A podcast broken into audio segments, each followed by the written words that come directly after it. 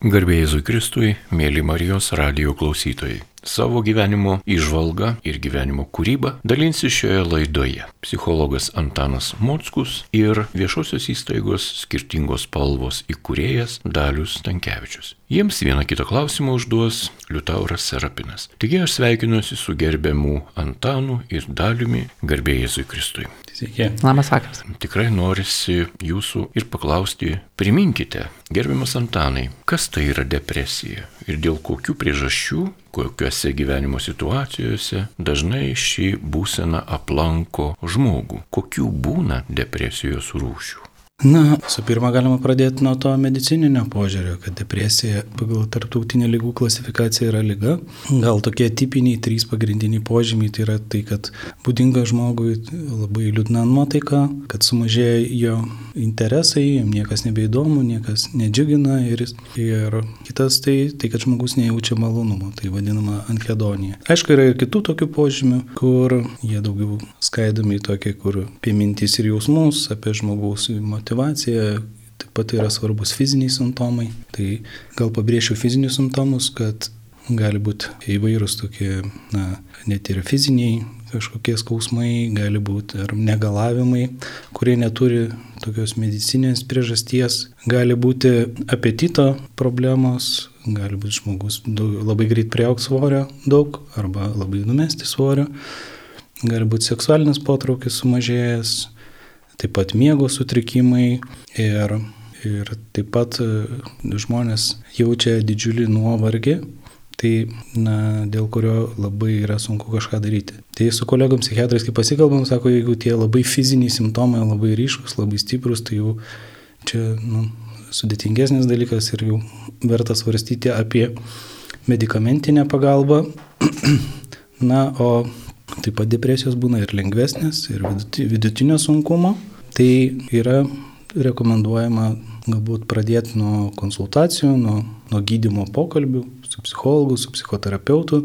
Va, o yra, yra tų skirstimų depresijos įvairių rušių, bet nėra taip, kad aš labai, na, man nėra labai, kaip sakyt, kažkaip ne tai, kad netikiu to skirstimu, bet, bet žodžiu, ten daugiau psichiatrai skirsto į tas lentynėlės, ten yra jų įvairių.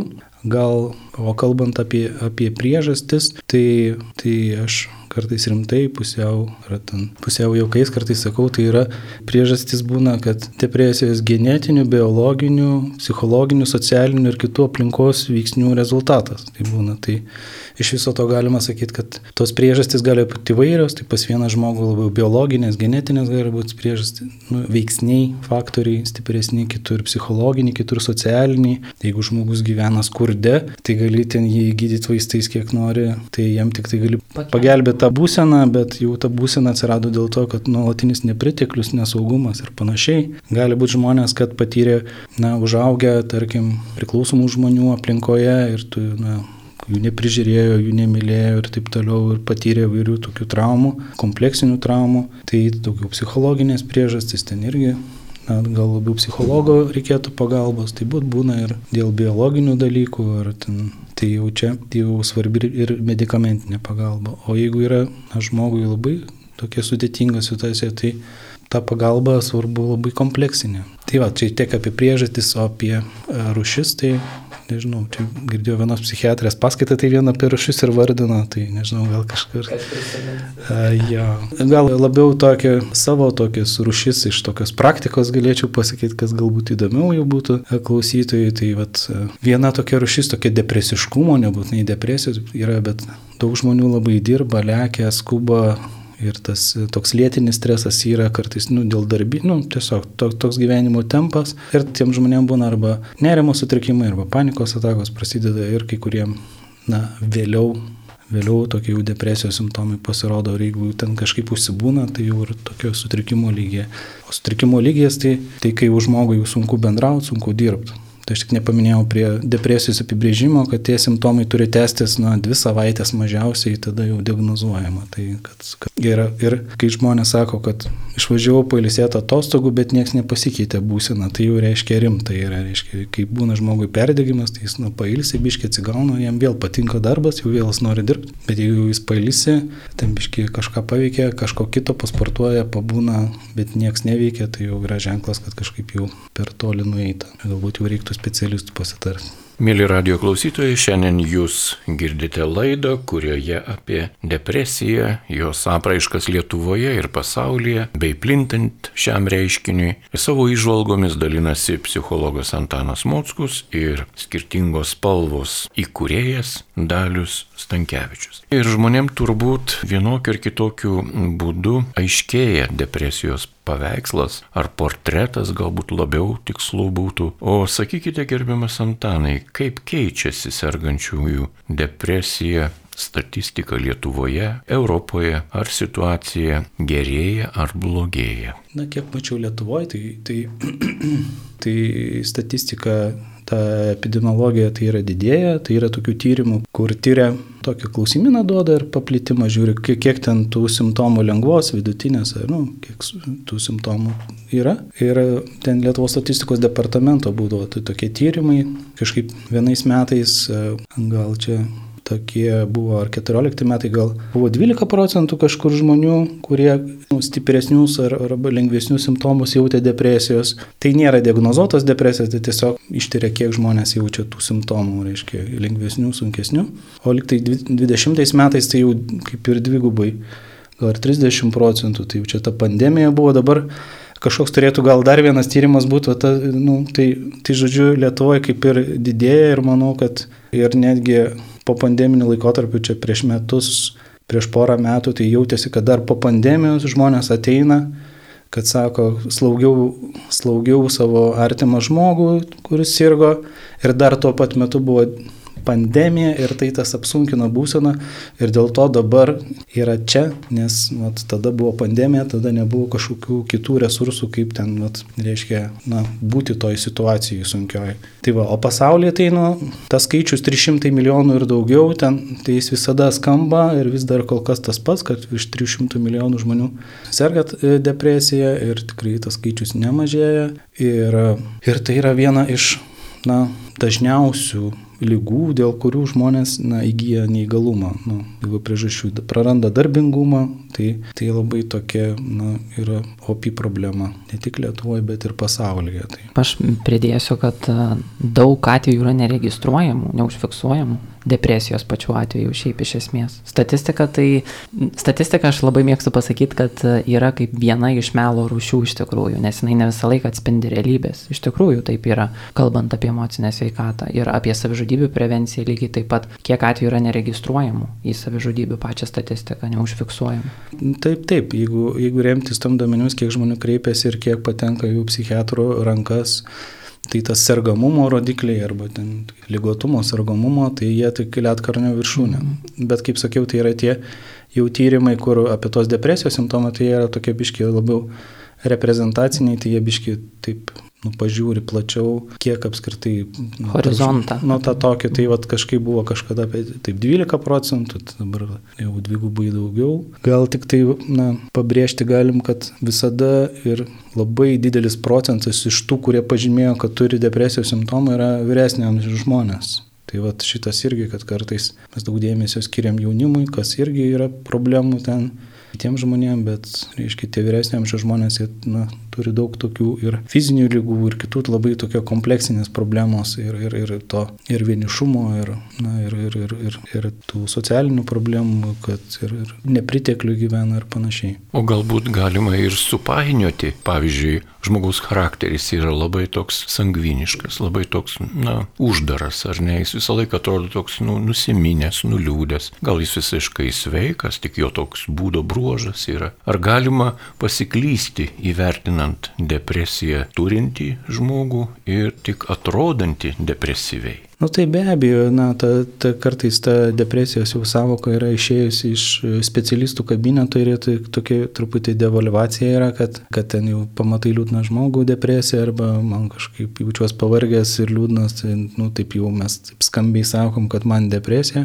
bet iš tikrųjų įvertinti tai gali tai, nu, specialistai kažkaip pasižiūrėti, paklausinėja jų gyvenimo istoriją, ten kažkaip įsigilina ir atitinkimi klausimynai, kurie duoda, tai kažkaip truputį lengviau susigaudyti. Tenka bendrauti su žmonėm, kur jie eina į darbus ir visa kita ir jie mobilizuojasi ir nelabai kas įtarė, kad jie ten turi tos depresijos ir panašiai. O iš tikrųjų, nu, ir, ir, ir, ir atrodo ir šypsos ir viską, o ir neįtarsi. Tai žodžiu, kad, na, kai dar nėra taip sunku, tai žmonės moka gerai paslėpti, tik tai būna, kai grįžta namo, jie užsitraukia užuolaidas, atsisėda ir tada labai jiems yra liūdna ir tikrai pavarksta ir nuo, to, nuo tos mobilizacijos, kai, kai tu neturi energijos, bet tu turi visą dieną save taip suimti ir tenai, vat, nurodyti, kad tau viskas gerai, daryti darbus ir panašiai. Ir, bet kai jau būsena būna jau per sunku, jau žmogui jau sunku taip yra daryti. Tai, tai va, tai ne visada tikrai gali pamatyti ir, sako, ten, jeigu prie rušių yra besišypsanti depresija, ne, tai gali ir šypsotis ir viską. Ir tikrai teko bendrauti ir, ir būna ir komikų nemažai turi tų emocinių problemų ir depresijų ir panašiai, tai galbūt tas juokavimas tai yra tam tikras įveikos būdas, kaip būti, kaip su tais sunkumais ir ne pats blogiausias nu, humoras, bet, bet kartais, na, žmonės, kurie, nu, taip labiau gal reaguoja į tą tokį paviršutinišką humorą, panašiai, gal atrodo, kad žmogui labai yra gerai. Taip pat su žmonėm irgi pakalbu, kad nu, šiais laikais nėra populiaru sakyti, kad man ten liūdna, man sunku ir panašiai žmonės nenori girdėti, kaip ir, kad kad man sunku, žmonės nori girdėti, kad džiaugiuosi, čia einam, darom, ten kažką. ten. Tai va, tai tokių, nu, tai tarsi nepopuliaru yra. Tai, va, tai nebent jie turi kažkokias bendruomenės, artimus žmonės ar psichologus, kur gali turėti tą erdvę, kur gali pasidalinti, kas kaip iš tikrųjų jaučiasi ir nu, būti išgirstam, pajaustam, suprastam, Taigi tęsime laidą. Gerbiamas psichologė Antanai, gal galėtumėte dar papasakoti, kokios pagalbos gali tikėti žmogus, patekęs į tokią padėtį, kai kalbame apie emocinę sveikatą ir žmogui yra sunku ir yra slogita nuotaika ir ar pagalba visuomet kainuoja, o gal ji yra nepasiekiama, sakykime, kokiame vienkiemyje, kaimo sodžiuje ar kokiam kalėjime, kaip yra. Na, pagalbos prieinamumas Lietuvoje tai ir vis tiek yra dar vis problema, bet jį vis dar ple, nu, na, yra, yra mėginimų ir stengiasi ir finansų, kad ta pagalba būtų prieinama. Vienas iš tų tokių Lietuvoje sistemų yra, tai yra kiekvienam didesniam rajone, miestelį, miesto rajono centre, tai tik Vilnius, Kaunas, Klaipė ir kiti rajonų tie centrai, jie turi psichikos sveikatos centrus, psichikos sveikatos centruose dirba psichiatras, psichologas, slaugytojai, socialinė darbuotoja, tai tarsi reprezentuoja tą biopsichosocialinį požiūrį, kai yra bio, tai psichiatrai atliepia šitą, psicho, tai psichologas, tai vertina, konsultuoja ir socialinis, tai yra socialiniai darbuotojai, kur padeda žmonėms ir Tai va, kiekvienas centras dirba skirtingai, vieni gal ten geriau sekės, kitiem gal, gal, gal ne taip, bet žodžiu, ta pagalba yra. Be abejo, tos, pavyzdžiui, konsultacijos yra ribojamos, e, lengviau gal prieinama ta medicamentinė pagalba, ką žmonės gauna, bet jau yra ir prieinama psichologų pagalba, kai žinau, kai kur labiau ribojama, kai kur mažiau ribojama psichologų konsultacijos, bet 10 konsultacijų tikrai ten galima gauti, 10-12 ir kai kuriems žmonėms tikrai padeda, bet yra žmonių, kurie jau reikia ilgesnio bendravimo ir tai yra jau jau truputėlį problema, nu, netruputėlį, bet sudėtinga. Ir tai ilgiau tiek, kiek reikia vaikščioti, tada išeina jau privačioj praktikoje. Pravečius psichologus kreipiasi į psichoterapeutus ir tai jau tie žmonės, kurie turi daugiau finansinių galimybių, kur gali kažkaip eiti tiek, kiek reikia ir kažkaip tai iki galo kažkaip įspręsti tą dalyką. Bet yra skiriama ir psichoterapijos valandų, kiek žinau, nemokamai būna. Tai, žodžiu, reikėtų nueiti į psichikos sveikatos centrą ir tenai jau konkrečiai tam žmogui pasitarti, ko reikia, kiek reikia, kokių galimybių yra. Kas nu, iš naujo yra tokie gerovės konsultantai, kurie dirba labiau visuomenės sveikatos biurose, kurių tikslas yra, kad kai dar žmogui nėra nu taip blogai, kad galėtų kreiptis, tai, tai vat, kokios būna penkios, keturios nemokamos konsultacijos, kur gali, kad kai tau kažkokie sunkumai, nelaukti, kol ten visai ateis ta depresija, bet pasitarti. Tai tokia kaip prevencija, kad jau esi tu rizikos grupiai, kur gali kilti tau sutrikimai, bet tu vat, yra gerovės konsultacijai, kur gali vat, nueiti keliam kartam pasikalbėti ir kažkaip taip užkirs kelią. Tai manau, kartais ir kunigai šitą vaidmenį atlieka, kur, kurie gaudosi psichologijoje, ten, kurie, kurie taip, na, moka bendrauti su žmonėm ir atliepti poreikius, tai kartais gali irgi tą vaidmenį atlikti, kad būti kaip buferiai tokie, kurie, aiškiai, tam tikrų metų ir kai žmogui reikia pasikalbėti ir tai gali labai ženkliai padėti jam užkirs kelią, kad, kad tie kiti sutrikimai didesni neišsi, neišsivystytų.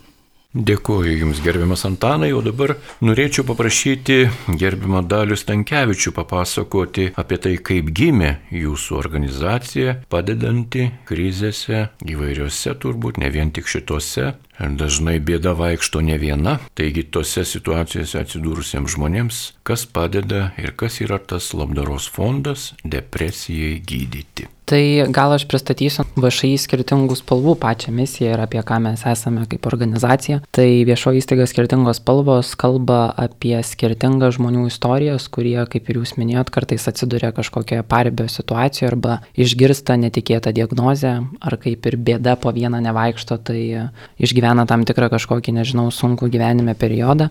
Tai mūsų iniciatyvos tikslas yra mažinti socialinę atskirtį sergančiųjų bendruomenėse. Tai tikrai Lietuvoje Lietuvoje socialinė atskirtis dar yra mm, jaučiama ir skirtingose grupėse, ypač negalę turinčių žmonių kontekste. Tai pati iniciatyva kalbindama žinomų žmonės Lietuvoje, bandydama atskleisti jų kažkokias istorijas, asmeninius išgyvenimus ir tai, kaip jie pradėjo žiūrėti į savo gyvenimą kitokiomis akimis, kai jie išgirsta diagnozę. Aš manau, kad per pokalbį mes savotiškai ir gydome žmogų, nes žodžio galia yra irgi labai didelis, na, vaistas į kažkokį sveikimo kelią. Tai iniciatyva be to kalbina žinomus žmonės ir stengiasi kažkaip pasiekti tiek jauną klausytoją, tiek vyresnio amžiaus klausytoją, Taip pat ir pristato gydytojų laidas, kurie jau pateikia išsamesnį informaciją apie gyvenimą su tam tikra diagnoze. Tai taip susiklostė, kad apie emocinę sveikatą kol kas skirtingos spalvos daugiausiai kalba, bet mes esame kalbėję ir apie negales, tai yra apie autizmą, apie Dauno sindromą, apie aklumą esame kalbėję, taip pat apie onkologinės lygas. Tai aš labai džiaugiuosi, kad tas mūsų temų sąrašas yra platus ir tikrai mm, atradęs žmogus mus, jisai gali atrasti ir jam aktualią temą. O grįžtant prie emocinės sveikatos, tai mes Mes kartu pristatėme jau prieš trejus metus labdaros fondą depresijai gydyti nebenoriu gyventi. Tai kartu bendradarbiaujant su depresijos įveikimo centru, kai šiandieną girdėjote Antaną, tai jis irgi yra vienas iš tų žmonių, kuris prisideda prie šio fondo įgyvendinimo. Tai iš esmės pačiame pavadinime slypi gal fondo labai tokia plati žinutė, nebenoriu gyventi. Ir tai yra parodo tą žmogaus tašką gyvenime, kuomet žmogus gyvendamas su emocinės veikatos tam tikrais sunkumais, jisai iš tikrųjų nebenori gyventi. Ir jisai patiria tam tikrą savižalos, galbūt kažkokią formą galvoja apie savižudybę, bet jisai tiesiog nebenori gyventi, nebenori pabusti, jisai nebemato džiaugsmo kasdienybėje, nebenori eiti į darbą. Tai mūsų tikslas su šiuo fondu, kad žmogus išdrįstų ir norėtų gyventi. Tai ne veltui noriu gyventi fonde yra parašyta didžiosiomis raidėmis, nes na, mūsų tas pagrindinis siekis žmogui parodyti, kad šviesa yra, kad noras gyventi turėtų būti kiekvieno žmogaus galvoje ir, ir yra tik tam tikrų gyvenime dalykų, tam tikros kan, kančios galbūt kažkokio momento, kur žmogus patiria ir jisai nebemato to džiugesio. Tai šis fondas nebenori gyventi siekia atliepti dviejų žmonių auditorijas. Tai pirmoji auditorija yra visuomenė, kuri gali prisidėti prie šio fondo ir na, paremti tą pačią emocinės pagalbos svarbą. Ir antroji dalis bendruomenės tai yra ta, į kurią mes kreipiamės, kuriai reikalinga pagalba. Tai nežinau, jeigu jūs susidurite su emocinės veikatos tam tikromis problemomis arba turite tam tikras depresijos skirtingas formas, tai šis fondas yra tam, kad padėtų jums norėti gyventi, kad padėtų atrasti tą džiaugsmą. Tai visa informacija iš tikrųjų apie patį fondą, aš manau, kad dar mes apie jį plačiau pakalbėsim, bet rasite mūsų interneto svetainėje www.skirtingospalvos.lt. Dėkuoju, gerbiamas Daliu, ir dabar norėčiau vėl paprašyti psichologo Antano papasakoti daugiau apie labdaros fondo metu organizuojamą pagalbą koks yra programos tikslas arba tikslai, kokie yra sumanimai, ko joje mokysis žmonės, ar žmonės šioje programoje turi norėti patys savo padėti, o gal gali tiesiog atvesti šalia esantį kitą žmogų, kam ši programa yra skirta ir reikalinga. Na tai iš tikrųjų vienas iš esminių tikslų tai yra, kad įgalinti žmogų, kuris gebėtų ir galėtų savo, savo padėti. Kaip mes mastom, tai yra tokie kaip trys kolonos, tai yra medicamentinė pagalba, gydymos pokalbių, tai yra psichologo konsultacijos, psichoterapeutas ir taip pat yra kita, kita kolona tokia, kai žmogus savo padeda. Tai yra savipagalba arba kaip lietuviškai savo savigalba. Tai mes šitoj programai daugiau akcentuojam savigalbą ir įgalinti žmogų savo padėti, kad tai, ką jis pats gali pats padaryti, įgyti tam tikrų įgūdžių, kaip savo padėti, kaip pasirūpinti savim. Ta programa yra vadinasi be depresijų, tai dešimties savaičių programa internetu, ten yra nemažai temų. Ir tokios esminės temos yra, kad apie fizinį aktyvumą, apie mytybą, apie dienotvarkės susitvarkymą, apie trauminį patyrimą, apie bendravimą, Yra ir tokia įdomi tema apie šviesos terapiją, kaip jį gali padėti žmogui. Ir yra tokių užduočių, ką pats žmonės gali padaryti, yra gali žmonės, yra erdvė ten kartą per savaitę susitinka pasidalinti, pasikalbėti, kaip vienas kitą palaikyti ir pasidalinti, kaip jiems sekasi įveikti. Ir tikrai žmonės džiaugiasi, kad yra ta susisteminta ta programa, kad susisteminta medžiaga, kad gali ją na, tokią na, struktūruotą, išsamei tą informaciją. Daug žmonių yra sako, kad yra girdėję tas temas, ką aš esu minėjau, bet toj programai yra daug išsameu, daug giliau ir tikrai kartais net žmonės būna, kad na, tą dešimties savaičių programą baigia ir tada kartoja, nes nori prisiminti ir panašiai, kad sako, ne viską spėjame pritaikyti, paimti, nes tikrai yra nemažai tos informacijos. O ta programa yra pagrindė žmonėms turintiems depresijos simptomų, bet taip pat tinka ir tiem, kurie tikrai turi emocinių sunkumų ir, ir yra ten irgi universalių dalykų, kaip ten fizinis aktyvumas, ten dienotvarkė ir panašiai. Ir būna žmonės, kurie tik, kaip sakant, dabar pradėjo jausti depresijos simptomus, tai nėra galbūt depresija, kaip tik yra, dar yra ta tokia lengva forma ar depresiškumas, kur aš galiu dar save pagauti, įgyti informacijos, suprasti įgūdžių ir savo padėti ir taip užkirs kelią ir susitvarkyti savo gyvenimo būdą ir kad na, tie iškilę sunkumai, reiškia, neperauktų į didesnius emocinius sunkumus. Taip pat yra žmonių, kur jau turi depresiją, kartais ir sunkia, ir ten vidutinio laipsnio, tai, tai jiems tai yra tokia jau papildoma pagalba šalia jau turimos ir žmonės dažnai ateina, kurie jau gauna medicamentinę pagalbą ir kartais nusiskundžia, kad, nu, kaip ir, na, truputį padėjo, bet kažkaip bet vis tiek nesijaučia taip, vis tiek kažko trūksta, tai, tai tikrai, tikrai atranda, kad gali patys kažką daryti ir taip save galinti, kad vat, ne tik laukti, kol ten vaistai suveiks, bet ir patys kažką pradėti daryti.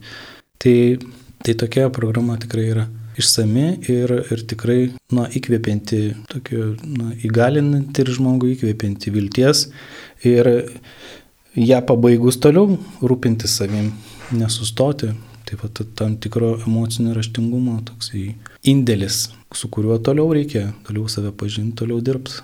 Dėkoju psichologui Dariui Motskui už fondo depresijai gydyti pristatymą ir norisi dar pratesti pokalbį apie šį fondą ir jo veiklą. Gerbiamas Daliau, kokia yra ryškiausia šio fondo žinutė visuomeniai? Tai aš kaip ir minėjau, pati ryškiausia galbūt fondo žinutė ir yra tai, kad mes kiekvienas galime padėti šalia esančiam žmogui, nesvarbu ar mes jį pažįstame ar ne. Ir man atrodo, kai mes kalbam apie ribinės situacijas emocinės veikatos temoje, tai viena iš pagrindinių, galbūt vienas iš pagrindinių aspektų tai yra žmogaus išbuvimas šalia. Tai šio fondo žinutė ir yra, kaip ir Antanas kartu minėjo, mes kreipiamės į dviejų žmonių auditorijas. Tai ta auditorija viena yra žmonės, kuriems reikalinga pagalba ir antroji auditorija yra tie žmonės, kurie gali finansiškai prisidėti prie šio fondo. Nes mes tikrai gauname daug laiškų ir daug kreipimusi ir net ne tik tiesiogiai į patį depresijos įveikimo centrą, kiek ir į socialinius mūsų tinklus, kad žmonėms iš tikrųjų reikalinga pagalba. Ir yra sunkiausia pasakyti žmogui ne, kad ta pagalba nebus jiems suteikiama na, nemokamai, net lygintinai. Tai kažkaip norisi tą visuomenę sutelkti ir parodyti, kad tie maži indėliai, ta maža finansinė parama ir tie žingsneliai gali daryti tą pokytį. Tai čia ir yra ryškiausia fondo žinutė, kad emocinės sveikatos temoje žmogus niekada neturi būti vienas. Tai kartu ir bendruomeniškumo jausmas, na, skatinimas rūpintis ne tik savimi, bet ir šalia esančiu žmogumi. Ir dar kartą paminėsiu, kad nesvarbu, ar jį pažįsti ar ne, niekada nežinai, kada tu atsidursi tokioje situacijoje, niekada nežinai, kada tau reikės šalia esančio žmogaus ausies realiai, kad jam išsipasakot galėtum, arba tai, kad tas žmogus tau galėtų parodyti, kad, na, rūpi tiesiog, kad tu rūpi.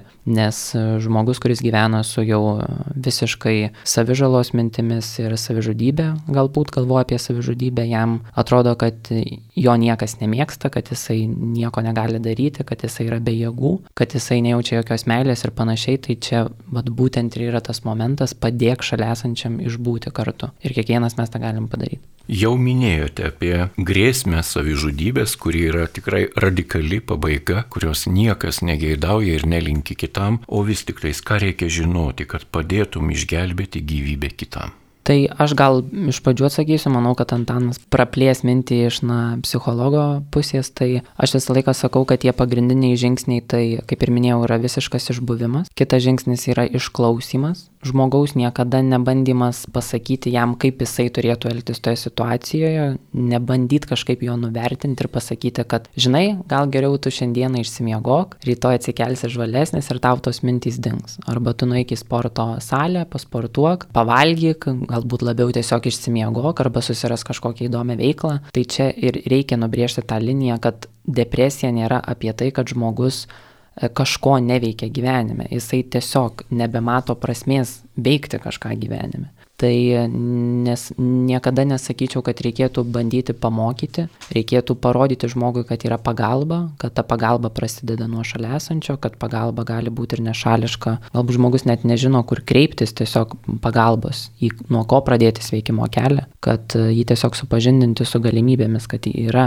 galimybė pasveikti, yra galimybė atsikratyti tų minčių ir yra galimybė gyventi. Nes aš nemanau, kad žmogaus normali būsena yra nenoras gyventi. Mes kiekvienas turime norėti gyventi, nes mes esame čia su tikslu. Tai aš išskirčiau gal šitus pagrindinius žingsnius, nežinau, Antanas man pritars ar ne. Yeah.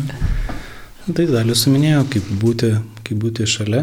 Tai iš tikrųjų, kad taip pat dar pridėčiau, kad tikrai tenka išgirsti, ar ten galima tiesiai klausti, ar tu galvoji apie savižudybę, tikrai galim paklausti, ir kad tai žmonės, jie nesako tiesiai kartais, kad aš noriu nusižudyti ir galvoju apie savižudybę, jie sako, aš noriu ten užmygti ir neatsikelt, aš noriu kad ten viskas pasibaigtų.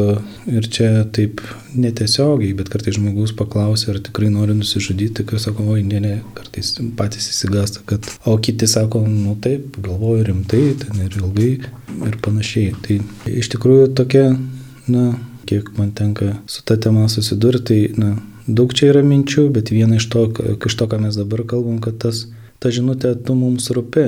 Tai irgi yra, tokia labai, labai svarbi žinutė. Aišku, yra ta dalis, kai jau dirba specialistai, su tuo žmogum bendrauja, yra tam tikros metodikos, kaip padėti žmonėm ir, ir, ir viską, bet tas esminis dalykas, kad vat, e, ar galbūt pradėta kažkokią eiti pagalbą e, keliu, tai yra, kad nujausmas, kad aš kažkam rūpiu nu, mes ne pirmus metus tą fondą, ne, ir žmonės ten parašo, kur ir serga lygom, ir ta jų gyvenimo istorija tragiška ir emociška, ir pinigų nėra, ir tikrai nu, labai sudėtinga. Smurtas. Smurtas būna ten, ir labai sudėtingos situacijos, ir, ir tada, tu prasme, tu esi vienas, ir, ir kaip tau iš to išeiti, nu, ir, nu, ir tada patenki tą būseną. Ir vienas dalykas, kai jau yra ta būsena, tai yra nu, toks tarsi toks tunelinis mąstymas, toks susiaurėjimas, kad jie nei vilties, nei jėgų, tas bejėgiškumas, beviltiškumas, beprasmiškumas. Tai tu vat, esi toj būsenai, bet tuo metu nesuvokia, kad kaip dalių sako, kad ta būsena praeina ir kažkaip tada jau nori gyventi. Tai va. ir tuo pat,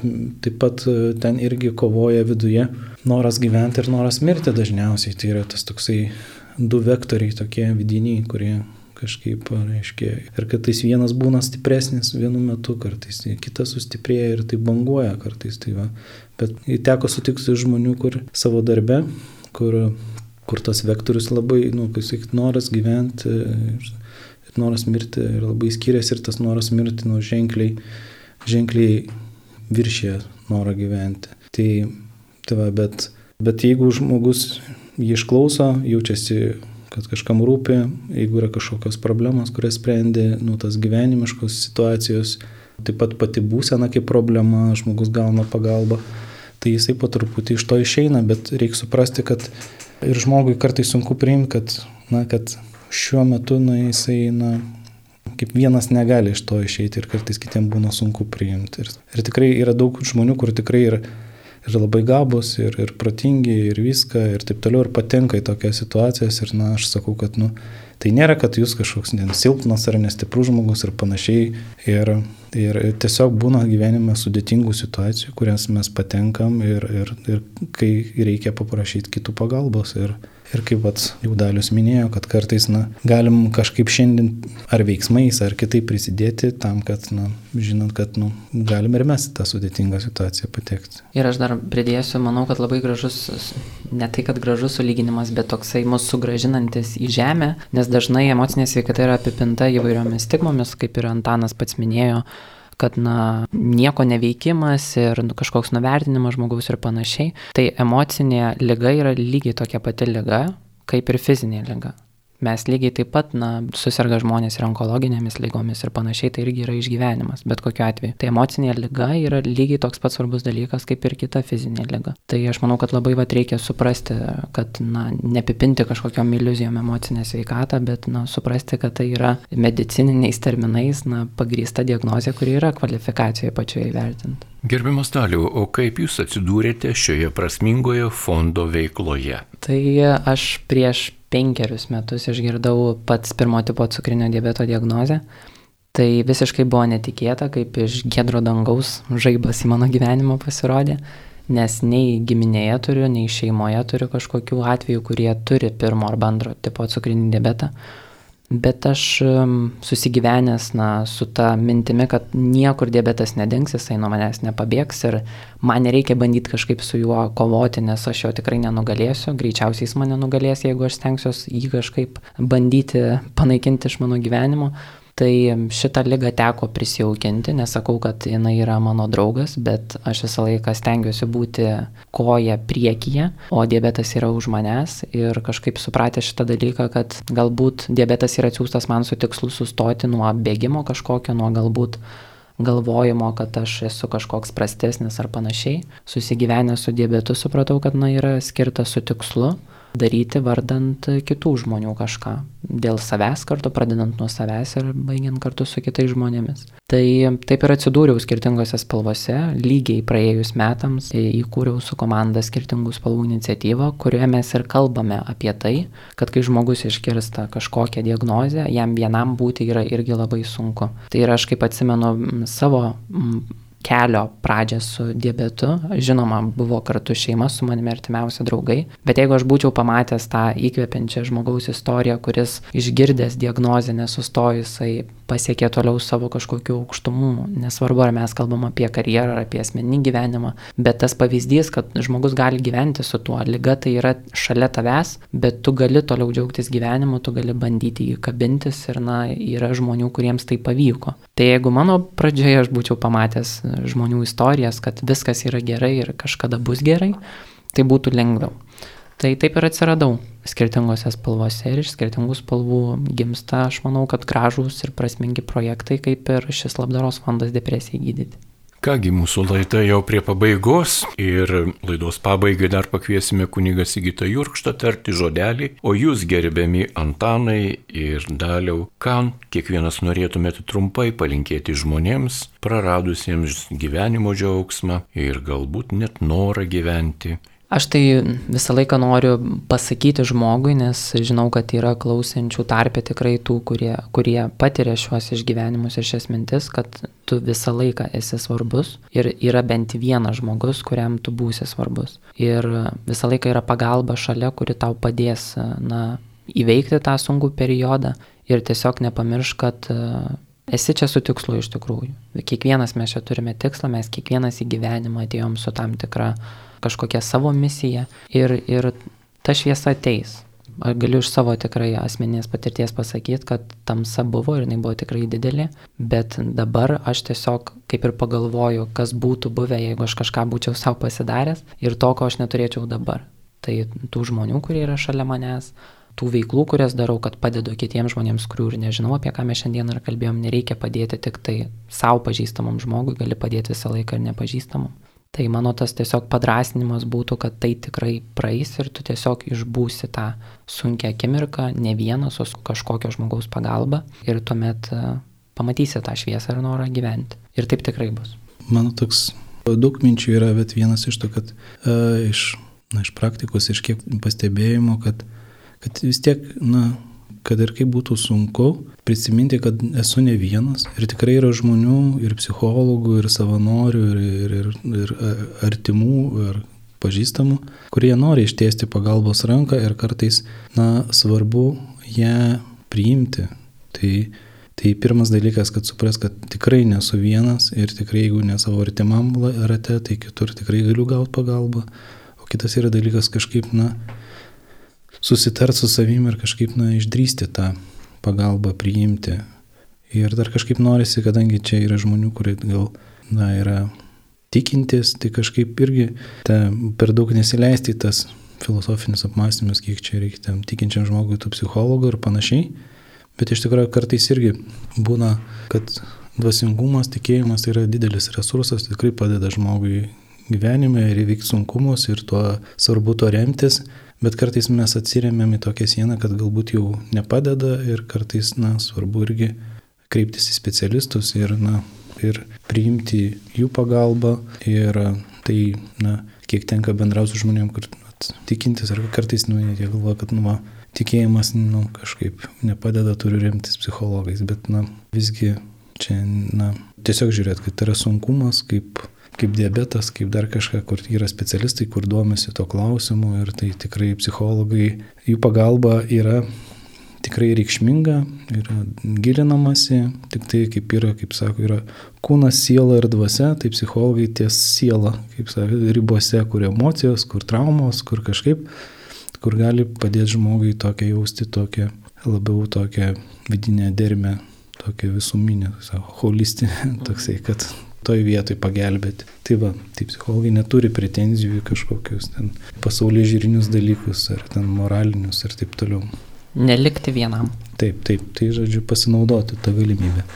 Mėly Marijos radio klausytojai, su jumis šią valandėlę bendravo psichologas Antanas Mockus ir viešosios įstaigos skirtingos spalvos įkūrėjas Dalius Tankievičius. O laidos pabaigai kviečiame pasiklausyti kunigo Sigito Jurkšto minčių apie tai, kaip gyvas santykis su Dievu galėtų padėti sergantiems depresiją. Garbėjai Zikristui, mėly Marijos radio klausytojai, Iš tiesų depresija yra aktuali ir plati tema, bet norėčiau labai trumpai pridėti prie to, ką jau girdėjote laidoje iš specialistų pusės. Jėzus yra sakęs, aš atėjau, kad žmonės turėtų gyvenimą, kad apščiai jo turėtų. Ir apie tai kalba Evangelija, geroji naujiena. Kartais būna, kad mes namuose pametam kokį nors daiktą ir ieškom, ieškom, jau sakom, na, jau šitoj spintui tai tikrai tikrinau, jo tikrai nėra bet galiausiai būtent toje spintoje ir atrandame, kur jau daug kartų žiūrėjome. Ir panašiai su Evangelija mes kartais galvojam, kad na štai jau ten viskas yra žinoma, jau atrodo, kad aš ją ir turiu namuose ir ten nieks man negali padėti, bet iš tiesų gali. Iš tiesų, Dievas tikrai gali padėti, jeigu mes pasirenkam jį savo gyvenimo pamatu. Be abejo, mums ir gydytojai yra reikalingi, kaip prašome Suracido knygoje, bet ir gydytojai leisk ateiti, nes viešpat jį sukūrė, neleisk jam nuo tavęs pasitraukti, nes tau jo reikia. Būna atveju, kai išgyjimas gydytojo rankose, nes ir jis meldžiasi viešpačiui, kad suteiktų jam sėkmę nustatant lygą ir gydimas išgelbėtų ligonio gyvasti. Iš Siracido knygos 38 skyriaus. Psichologas irgi yra gydytojas. Ir svarbu pasitikėti, primti šitą pagalbą, kurią galime gauti iš psichologų. Ir visgi turime atrasti, dar giliau atrasti, ką mums kalba Evangelija. Mes gyvenime patiriam daug kančios, kaip atrasti tos kančios prasme, žinom, Viktoro Franklio tyrinėjimus, kad tie žmonės koncentracijos stovyklose, kurie gyveno nežmoniškomis sąlygomis, bet jeigu jie turėjo prasme, tikslą gyvenimą, vardan ko jie gyvena, pavyzdžiui, laisvė jų laukia žmona, vaikas, mama ir jie tuomet galėjo pakelti bet kokią kančią. Taip pat ir vienišumas. E, kartais galbūt tai yra ir tikėjimo trūkumas, juk kas gyvena su šventaja dvasia, niekada nesijaučia vienišas. Ar tikrai tikiu, kad Dievas be galo mane myli, kad jis yra su manimi. Galiausiai Karlas Gustavas Jungas irgi yra sakęs, kad kiek jisai yra turėjęs pacientų, nei vienas nepasveiko, kol netrado tokio autentiško santykio su Dievu. Taigi vėl atrasti Dievą ne kaip tą, kuriam turiu atlikti dar papildomus darbus, sukalbėti maldas, bet kaip tą, su kuriuo galiu bendrauti ir atsigaivinti. Taip pat ir mūsų, gal kartais ir toks vienpusiškas požiūris į dvasingumą irgi lemia tai, kad mes apleidžiam savo kūną, pavyzdžiui, nustojame judėti, nustojame bendrauti su kitais žmonėmis. Kai kas iš psichologų sako, kad norint susirgti depresiją užtenka trijų dalykų - nesaikingai dirbti, mažai bendrauti ir mažai judėti.